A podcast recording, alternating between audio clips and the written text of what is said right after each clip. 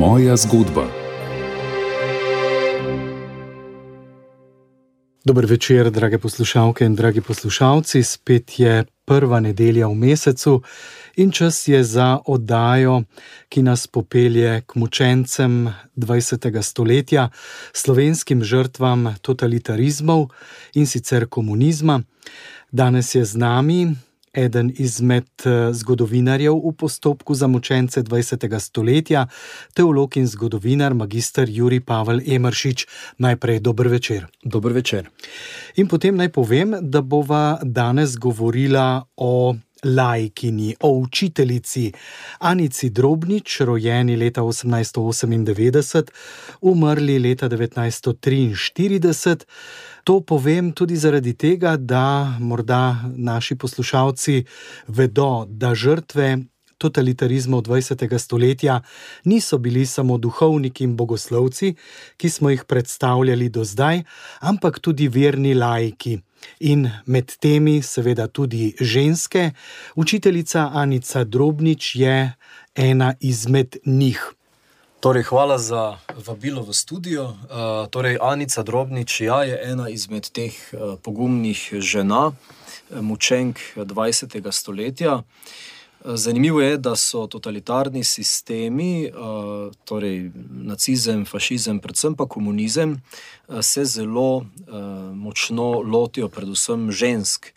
Čeprav včasih v kakih učbenikih poudarjajo, da so ženske dobile po drugi svetovni vojni volilno pravico, ampak zamolčijo pa ponavadi ti, ki to razglašajo, da nikoli v slovenski zgodovini eh, niso ženske bile tako maltretirane, preganjane in eh, pobijane kot ravno pod tem eh, sistemom.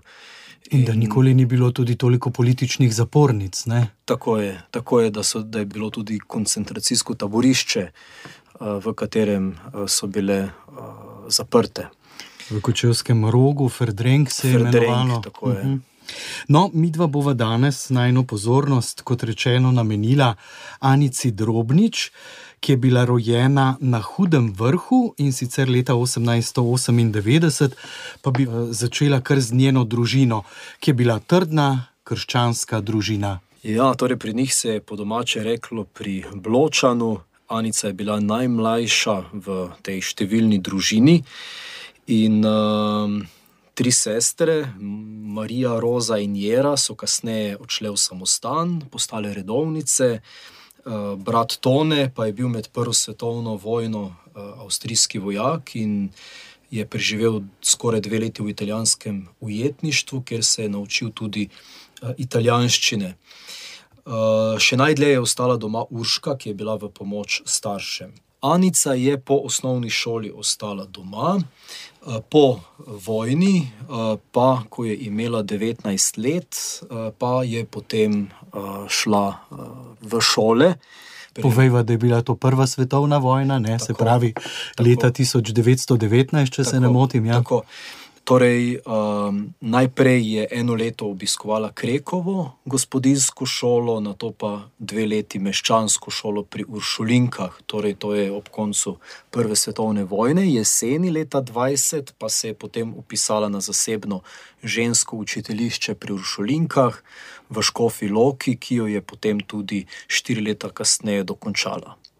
No, ampak uh, Anica ni vstopila v samostan, ampak se je že od začetka odločila, da bo njena pot drugačna. Tako, čeprav je torej, uh, pridobila uh, svoje znanje pri Uršulinkah, nikoli ni bila potem v samostanu. Je pa zanimivo, da je imela pri Uršulinkah, pokazala talent, poleg rednih šolskih predmetov, je tudi se naučila. Igrati na orgle, in je bila kasneje odlična organistka in nasploh pevka, eh, tako da je kasneje vodila številne pevske zbore. Eh, komponirala in tako naprej. Eh, to njeno nagnjenje k glasbi je spodbujal in vplival tudi na njo gospod Marko Bajuk, ki ga je spoznala v Ljubljani. Potem pa seveda zanimivo je odločitev, da bo ostala samska. Ne? Kljub temu, da ni vstopila v samostan, pa se ni nikoli poročila. Tako je. Torej, Anica ni nikoli, se ni nikoli poročila, ampak se je v celoti posvetila pedagoškemu poklicu, petju, glasbi, sodelovala je v župnijah kot organistka in bila zelo, zelo aktivna prosvetna delavka. Torej, lahko rečemo, da se je v celoti se je, razdajala za slovensko kulturo, glasbo, znanost. skratka, ni pa bila edina. Takrat so mnoge žene, ki so, se odločile iti v pedagoški poklic, so ostale same in so se v celoti posvetile temu delu. Vodila je tudi več zborov in kot tako, ne, kot tisto, ki, vodi zbor, ki igra pri bogoslužju, jo je prepoznal tudi župnik v Begunjah. Se pravi, ona je bila v začetku tako razpeta med Ljubljano in, in drugimi kraji v bližini, potem pa se pojavi potreba na terenu. In Begunje so bile pa njej blizu zaradi tega, ker so bile blizu njenemu rojstnemu kraju.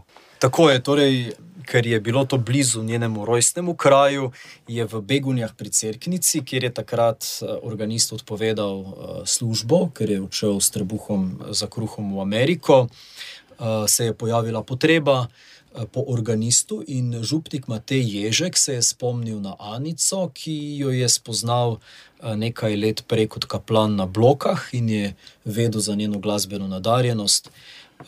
Je pa ravno takrat, so Begunje potrebovale učiteljico.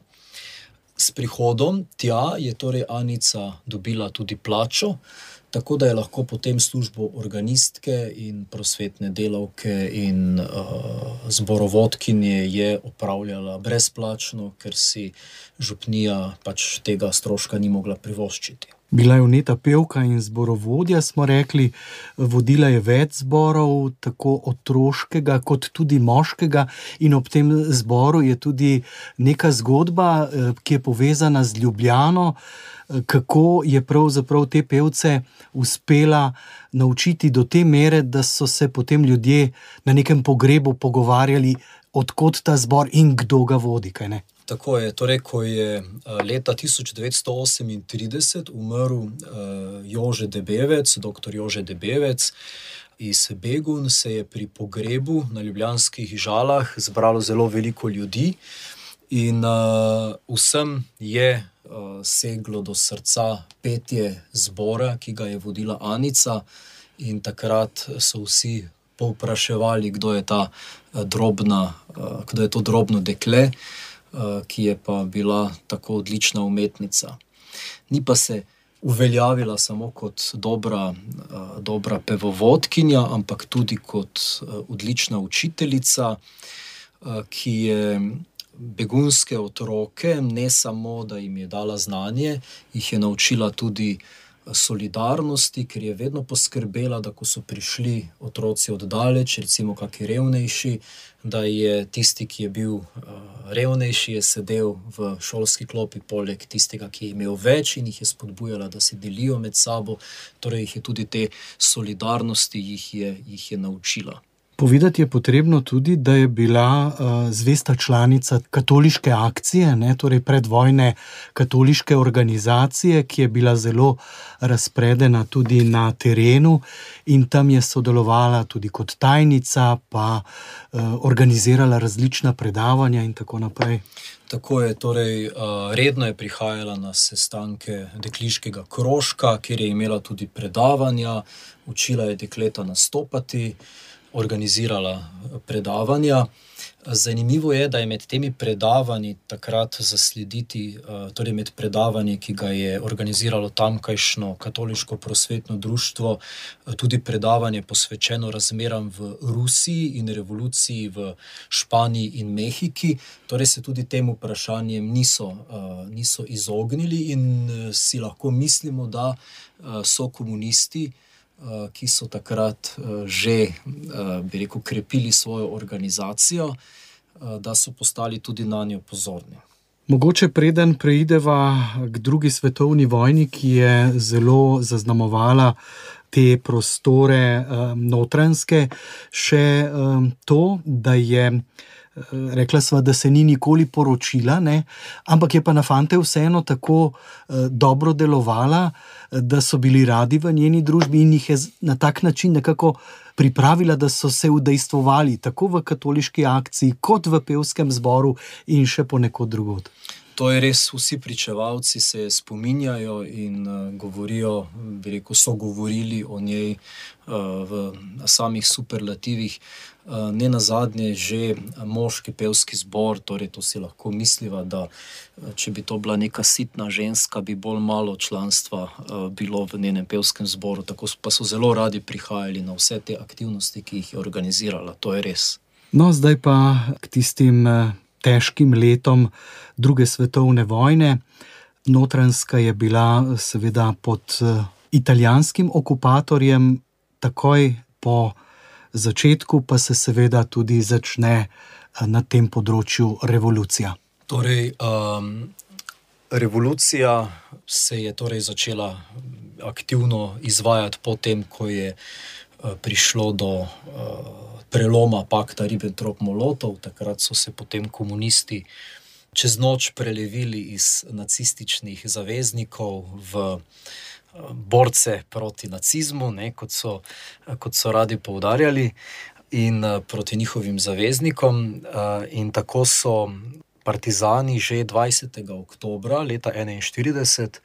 So napadli uh, Bezuljak v bližini Begun, Tam je na spominski plošči zapisano, da so partizani v napadu na Bezulak razbili italijansko postojanko, zaplenili veliko orožja in opreme, pa vrgli v zrak skladišče razstreljiva. Konec citata.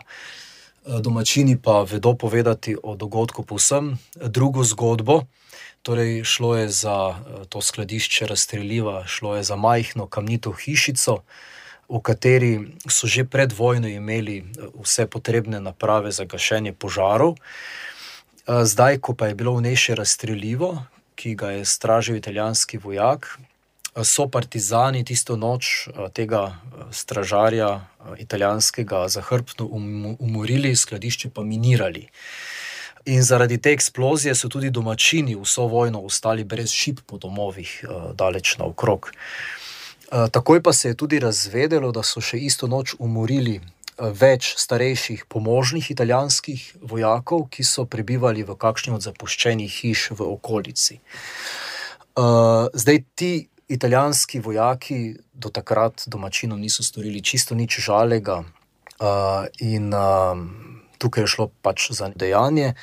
Na katero pa je italijanska vojaška oblast potem odgovorila, in v sodniške zapore na Miklušičevo v Ljubljani so za nekaj mesecev zaprli 29 domačinov, ampak na srečo ni bil nišče ustreljen, uh, ker sta jih reševala advokat uh, Franz Kranc z Dobca in pa crkniški župnik Štrajhar.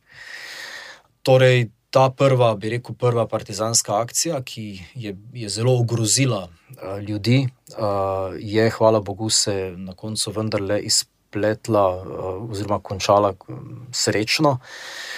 Uh, je pa postalo po tej akciji, uh, je prišlo do polarizacije uh, med ljudmi.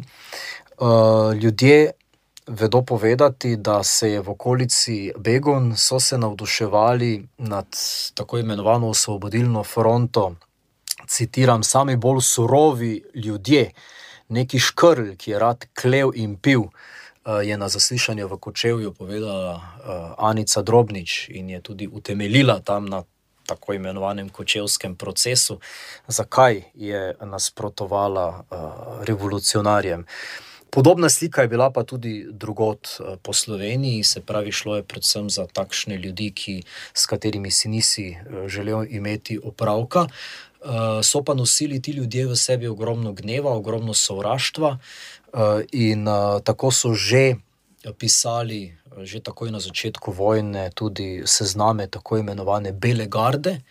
S tem izrazom so označevali vse, ki niso podpirali revolucije žal se je ta terminologija eh, tako globoko zajedla v naš prostor, da sem zadnjič bil presenečen, ko sem srečal enega duhovnika, ki je gladko uporabljal izraz belčki za nasprotnike Eh, komunizma. Se pravi, belogardisti. belogardisti da je ja. treba povedati tukaj, da gre za terminologijo iz Rusije, ker sta si nasproti stali rdeča armada Tako. in bela armada. Tako. Bela je bila poražena, rdeča potem prevzame v oktobrski revoluciji eh, popolno oblast. Tako. Je pa zanimivo, ne, da je ta terminologija, ki so jo usilili na nek način eh, komunisti, da se je prijela tudi rekel, na tej protirevolucionarni strani ali pa med ko snemam pričevanja, pogosto ljudje rečejo, ko je prišla svoboda ali pa svoboda ga je vzela. Ta je zanimiva. Ja. Leta 1945 rečejo, svoboda ga je vzela,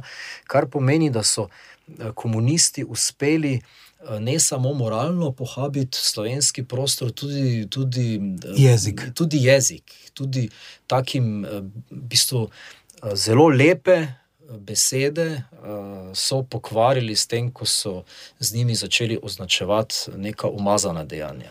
Skratka, pri nas nikoli nismo imeli bele garde, imeli smo vaške straže in pa imeli smo domobrance. Tako je.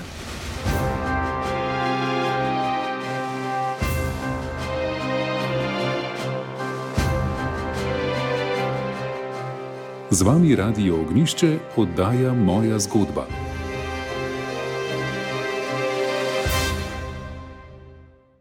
Spremljate oddajo, ki govori o mučencih, žrtvah totalitarizmov, komunističnega totalitarizma 20. stoletja. Govorimo pa o učiteljici Anici Drobnič, ki je tudi ena izmed tistih, ki so umeščene v postopek za razglasitev k blaženim mučencev 20. stoletja. Z nami je zgodovinar in teolog, magistr Juri Pavel Emršič. Prišla sva do začetka druge svetovne vojne, pravzaprav eh, sva prišla do tiste situacije, ko se tudi na notranskem eh, nekaj prelomi, ne? ko iz začetnega navdušenja nad tem, da bi se uprli okupatorju, pride do umorov tistih ljudi, ki so do revolucije, se pravi do komunizma, skeptični. Tukaj potem operira znana Dakijeva leteča četa, in tukaj je potem, seveda, v bližini tudi Krimska jama. Tako je, torej. Um... Daki, Krimska jama, vse, so, vse, to so, vse to je tesno povezano torej z tem krvavim plesom, ki so ga komunisti potem začeli zelo intenzivno izvajati, zlasti v letu 1942. Uh, in ta vedno hujši partizanski teror je potem tudi uh, povzročil nastanek uh, vaških straž. Uh, v Begunjah so imeli uh, branilci svoj sedež v šolskih prostorih, tja se je zateklo tudi precej civilistov zaradi varnosti, pa ker so imeli, če so ostali brez strehe na glavo, nad glavo, ali pa so šli preprosto tja zaradi strahu pred nočnim partizanskim terorjem. Se pravi, eh, imamo tako situacijo. Ne?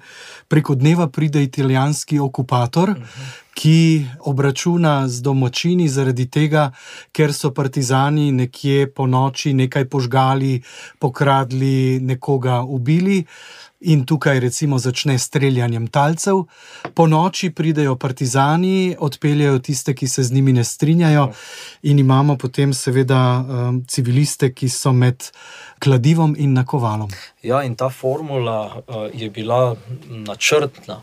Namreč partizani so že na prvem zasedanju Avnoja v Bihaču, je, uh, mislim, da Moša Pijade dal to navodilo, je rekel. Eh, čim, čim bolj um, provocirajte okupatorja, ker bo okupator potem povzročil represalije. represalije, bojo požigali domove, ljudje bodo šli v gost, ostali bodo brez doma in bomo dobili mi borce, še jezni bodo na okupatorja in se bodo pridružili nam. Se pravi, ta teror, ki so ga partizani sami sprovocirali. Eh, je potem eh, na nek način bil voda na njihov mlin. Tako da tukaj so se ljudje, ljudje pa so bili tisti, ki so bili res uh, žrtve. Ljubljana za žico je dejansko tukaj uh, bila na veliko boljšem položaju. Eh, kot pa, eh, čeprav se pogosto govori po medijih, kako je bilo to grozno za to žico in tako naprej, ampak eh, v resnici, ko je žica bila postavljena, se je število teh, teh vosovskih revolucionarnih akcij, ubijanj, se je zmanjšalo, se je drastično zmanjšalo. No, ampak do takrat pa pade kar, kar nekaj civilistov. Ne? Tako, tako. No, kakšna je bila pa vloga učiteljice Anice Drobnič eh, takrat, recimo v leta 1942-1943? Torej, Anica Drobnič je nadaljevala eh, svoje delo kot učiteljica. Učitali so ji sicer, da naj bi tudi sodelovala pri uh, straženju begun, ampak je uh, zasliševalcu povedala, da sicer so ji dali puško v roke, ampak ko je slišala pok, se je tako ustrašila, da se kasneje ni več niti dotaknila puške. Ne? Tako da uh, Anica uh, je delovala. Še naprej in delala to, kar je znala, vodila pevske zbore, poučevala otroke, do tistega usodnega padca Begun, ko so se Italijani umaknili, Eh, ko so, eh, ko so eh, komunisti izkoristili to, ta vakum, preden so prišli Nemci kot nova okupacijska oblast, so, so v tistem septembru 1943 lahko rečemo, naredili, naredili en zelo hud masaker na Torjaku. Grčaricah in drugot, Kočevju in okolici, skratka, ko so prevzeli za kratek čas oblast v Ljubljanski pokrajini, so pokazali ljudem, kaj jih čaka, ko bodo dokončno prevzeli oblast. To je bila neke vrste uvertura tisti september in pa oktober 1943 eh, v kasnejšo Morijo leta 1945. Skratka, zdaj le bomo govorili torej o kočevskem procesu. Po kapitulaciji Italije 8. septembra 1943 partizani za nekaj časa zauzamejo na tem območju eh, notranske in dolenske, večji del eh, ozemlja, razorožijo vaške straže, tiste, ki jih pač lahko. In jih odpeljajo v kočevje. V kočevju se začne kočevski proces. No, zanimivo se mi zdi, da ko razorožijo torej vaško stražo v Begunjah, takoj aretirajo tudi nekatere civiliste, med njimi Anico Drobnič. Zakaj? Torej, gotovo je bila Anica Drobnič na, tistem, eh, torej na tistih zelo glasnih seznamih, ki so jih eh, sestavljali komunisti od začetka vojne. Eh, namreč komunisti so povsod, ne samo v Sloveniji, kjer so, kjer so prevzeli oblast, so pobili elito intelektualno, duhovno, kulturno elito, ki je nasprotovala tej revoluciji. In uh, Anico Drobnič so gotovo imeli rekel, visoko na seznamu, ne na zadnje, je bila tudi uh, edina ženska, ki je bila na tistem zelo glasnem procesu, potem tudi uh, obsojena na smrt, čeprav so jih ubili veliko žensk, ampak uh, v tem uh, montiranem, eksemplaričnem sodnem procesu, konkretno je bila ona edina. Je pa bila najprej uh, zaprta v Kočevju. Uh, torej, Kočevje je takrat bilo drugo največje uh, mesto v Ljubljanski pokrajini, ki so ga partizani dobili v svoje roke za novim mestom, in je imelo zelo uh, dobro lego. Eh, bližina kočevskih gozdov je omogočila komunistom, eh, bi rekel, eh, takojšnji umik, če bi se izkazalo kot nujno, kajti pričakovali so seveda prihod Nemcev in so zato tam v Kočevju, v Kočevje so pripeljali iz celotne ljubljanske pokrajine aretirane nasprotnike in jih potem pobijali v okolici. Uh, je pa takrat potekal tudi uh, v Kočevju ta zbor od poslancev, ne, ki so, ko so skušali komunisti tudi formalizirati oblast na nek način, in pa tudi sestavili so sodišče, ki so ga kasneje razglašali kot prvo, tako bi rekel, revolucionarno, profesionalno sodišče, čeprav je sodilo, bi rekel, brez vseh civilizacijskih in pravnih standardov. Ampak sodbe še veljajo. Sodbe še veljajo. So, bili, so bile torej tendence, da bi se te sodbe razveljavile. Je. je šlo tudi že, menda, precej daleč, ampak vedno je bilo. Ja zavrnjeno. Tako, na koncu je uh, politika oziroma ideologija je prevladala tudi tukaj, uh, tako da je potem te sodbe, uh, torej pritožniki niso uspeli, enega izmed obsojenih niso uspeli. In v slovenskih sodnih mlinih uh, je stvar bila v bistvu legalizirana, tako da tukaj uh, imamo en tak lep dokaz, kako, uh, kako globoko uh, ideološko je tukaj še vedno uh, stanje duha na slovenskem. Tako da nismo, bi rekel, tako, tako jasni, montirani proces, kot je bil kočevski proces, uh, se razglaša še vedno za uh, legalnega in legitimnega. Mogoče kar malce razloživa, zakaj uh, govoriva v tem primeru za montirani proces, kdo so bili tisti, ki so jih uh, sodili, kako to, da so pravzaprav tem obsojencem, ki so bili obsojeni na smrt, uh, pridružili še vrsto drugih, ki pa jih niso sodili, ampak prav tako pobili. Ja, torej, kočevski sodni proces uh, je ena tema, ki so jo bolj natančno, kot lahko to zdaj le jaz naredim, uh, že obdelali um, dr. Jaklič, uh, dr. Aubel, uh, dr. Tamara Griser Pečar, torej številni pravniki, zgodovinari so pisali o tem. Uh, so dokazali, da je šlo za proces, katerega namen je bil prestrašiti ljudi. Uh, namreč um, tisti, ki so izvajali uh, ta proces, se pravi, pravniki, šlo je za, uh, v glavnem za neke um, pravnike, ki so bili um, nižjega uh, staža, ali kako naj se izrazim, in uh, so ta proces izvajali v imenu oblasti, ki ni bila niti legalna, niti legitimna. Namreč, uh, če smo pozorni, to je veliko pred uh, sporazumom Tito Šubašič, ko sploh ne moremo, recimo, če od takrat bi lahko mogoče govorili uh, o, neki, o neki malo večji uh, legitimnosti oziroma legalnosti. V tem času pa gotovo ne. Tako da šlo je za proces, ki je bil izrazito revolucionaren, katerega uh, cilj je bil torej, uh, torej tako prestrašiti ljudi, da se ne bodo več temu, tem, tem komunistom upirali. Pa tudi tako, veste, ta proces uh, je bil, na koncu je 16 ljudi bilo, če se ne motim, ustreljenih v tem, v tem v resnici pa so v okolici. Jih na stotine pobili, metali v jame, in tako naprej. Ta proces je bil neke vrste samo kozmetični poskus prikazati, da je ta revolucionarna oblast, eh, da eh, tudi spoštuje neke pravne standarde, kar pa seveda ni bilo res, tudi ni bilo eh, možnosti zagovora pravega. To me zanima. So imeli odvetnika? Ne, ne, ne. So se lahko pritožili na kakršno koli? Pritožili so se lahko, sicer formalno, ampak je že vnaprej bilo jasno, da bo stvar zavrnjena. Torej, šlo je dejansko za, za čisto farso. Čisto farso.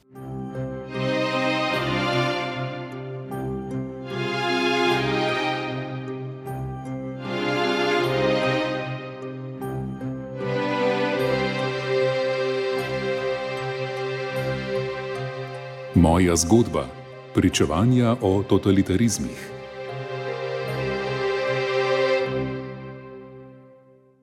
Kaj je učiteljica Anica Drobnič povedala eh, pred sodiščem? Torej, ko je uh, Anica čakala uh, na obsodbo, uh, so hodili uh, v zapor uh, v Ribnico, namreč njo so vmes, veliko skupino obsojencev so vmes iz Kočevja, uh, so jih ločili in so jih preselili v Ribnico. In je bila tam zaprta, in tja so jo hodili potem zasliševati številni uh, partijski veljaki, uh, celo kardel naj bi bil med njimi, pa da, ki pa številni drugi.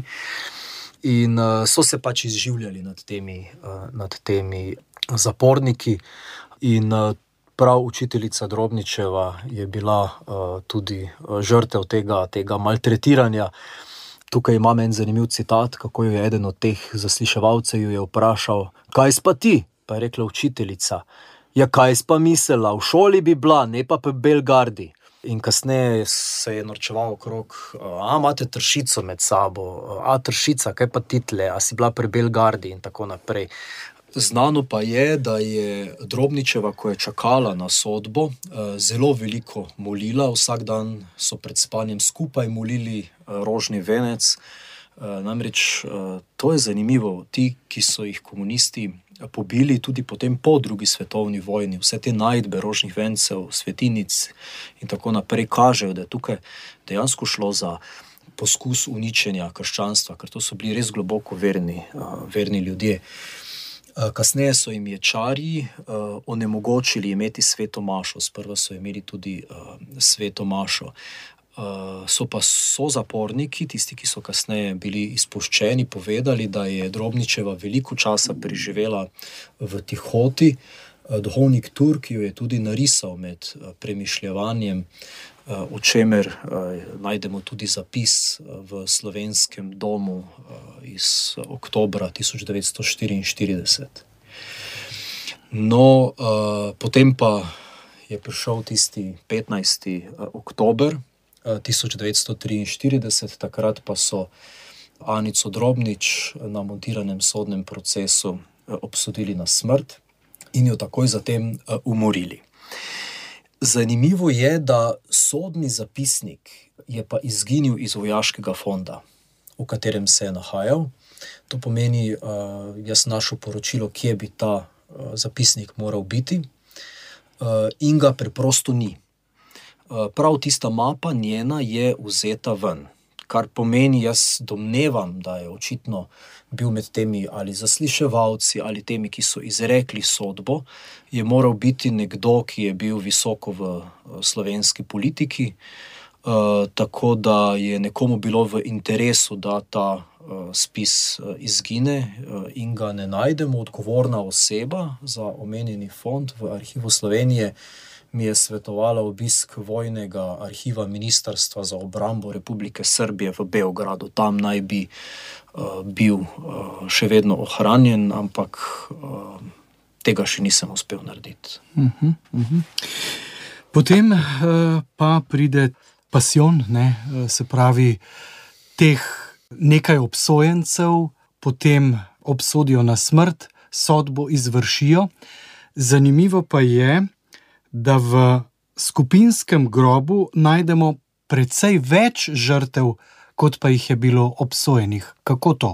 Torej, kot eh, sem že prej omenil, eh, ta kočevski proces eh, je bil, je bil samo neka igra za javnost. Medtem ko v resnici so medtem potekale masovne likvidacije nasprotnikov komunizma, vse te so potem zmetali v te, v te velike jame. Mozel Jelendol. Tudi tako. Zanimivo je, da je ta uh, gospod Špelič, ki je kasneje postal duhovnik, ki se je spreobrnil in postal duhovnik, je bil tudi med temi, ki so takrat uh, vsaj kopali te jame. Zdaj, če je bila njegova vloga še kakšna druga, tega ne vem, ampak je bil med temi, ki so takrat kopali te jame za uh, ljudi, ki so jih potem uh, tam pomorili. Ali bi, glede na to, kar vemo, kar smo danes povedali, lahko rekli, da je bila učiteljica Anica Drobnič umorjena iz sovraštva do vere? Vsekakor. Zagotovo ni edina, je ena od teh mučenk, pri kateri vidim kar precej, uh, bi rekel, usporednic, uh, vse zelo globoko verne, poleg tega pa tudi zelo aktivne, tako na prosvetnem Eh, kot na glasbenem, kulturnem področju. In uh, ja, bile so elita, bile so katoliška elita, ki so se je pač komunisti bali. In uh, tukaj je zagotovo šlo za umore iz sovraštva do vere. To je treba še povedati, da je bila Anica Drobnič, njeni posmrtni ostanki so bili potem že dvakrat prekopani. Ne? Prvič eh, je bil izkop leta 1944. V letu 1944 je oblast začela z izkopi teh ljudi, ki so jih leto prej komunisti pomorili. In tudi v okviru rekel, tega prizadevanja, da dobijo dostojne grobove, je tudi Anica Drobnič bila izkopana. V Ribnico je iz Ljubljane prišla posebna komisija, tukaj bom pa kar citiral članek iz Nove Slovenske zaveze ki ga je zapisal gospod Janko Maček. Torej, citiram: Med člani komisije so bili kanonik dr. Janez Kraljič, univerzitetni profesor dr. Frances Tele, dekan pravne fakultete dr. Munda, zdravnika dr. Janez Oražem in dr. Vladimir Juvan in še nekateri. In ob grobovih se je potem skupaj s komisijo zbralo tudi precej uh, svojcev, pogrešanih iz raznih krajev, da bi pomagali pri identifikaciji trupel. Izkop sam je opravil oddelek domobrancev iz Ribnice, eh, ki so že prej na tanko raziskali situacijo grobišča. Iz prvega groba so dvignili 38 moških trupel, ki so ležala drugo čez drugo, vsa zvezana nad gležnji s telefonsko žico in po večini zvezana tudi na rokah. Iz drugega groba so izkopali 55 moških in dve ženski trupli. Na zadnje pa v mali dolinici ob goznem kolovozu odkopali še tretji grob, v njem pa so našli 24 žrtev.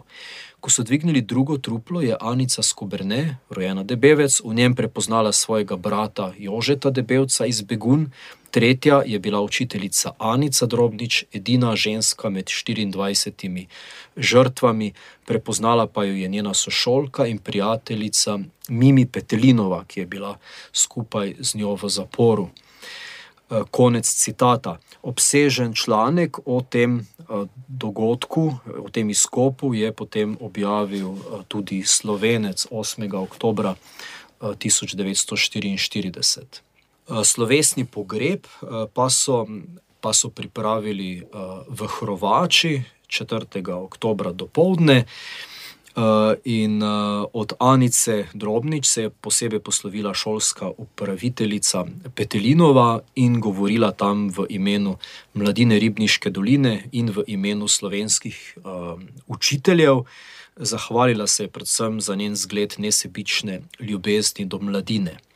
Kasneje, leta 2003, pa so Anico Drobnič uh, potem prekopali z tega pokopališča na domače pokopališče na blokah.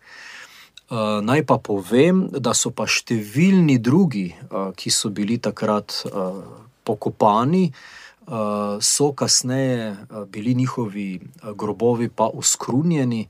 Namreč povojna komunistična oblast je na zahtevo notranjega ministra Poliča prav sistematično skrunila grobove tako imenovanih narodnih izdajalcev, kot so rekli tem ljudem, kar je precedens v svetovni zgodovini. Eh, namreč kraj poslednjega počitka je v vseh civilizacijah veljal kot nekaj nedotakljivega, razen pri komunistih.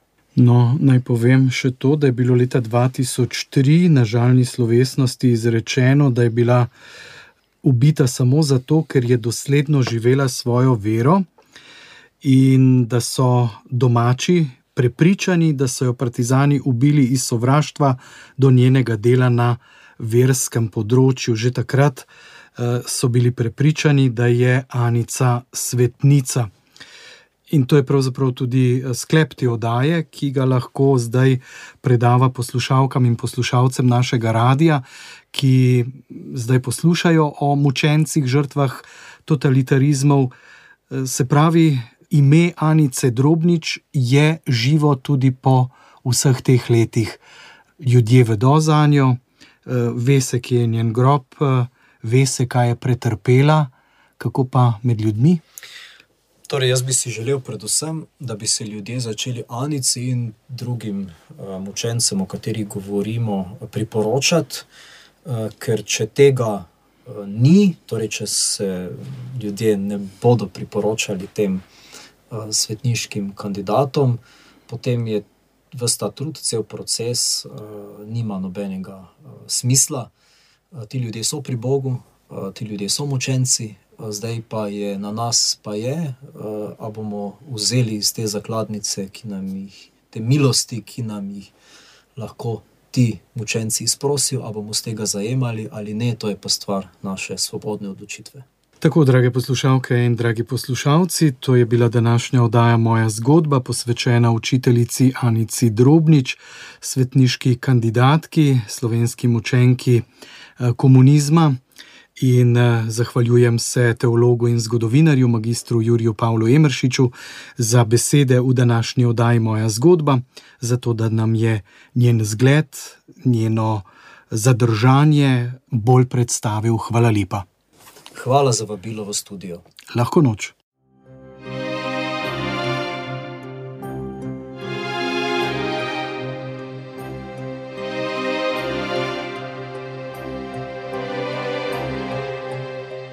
Moja zgodba.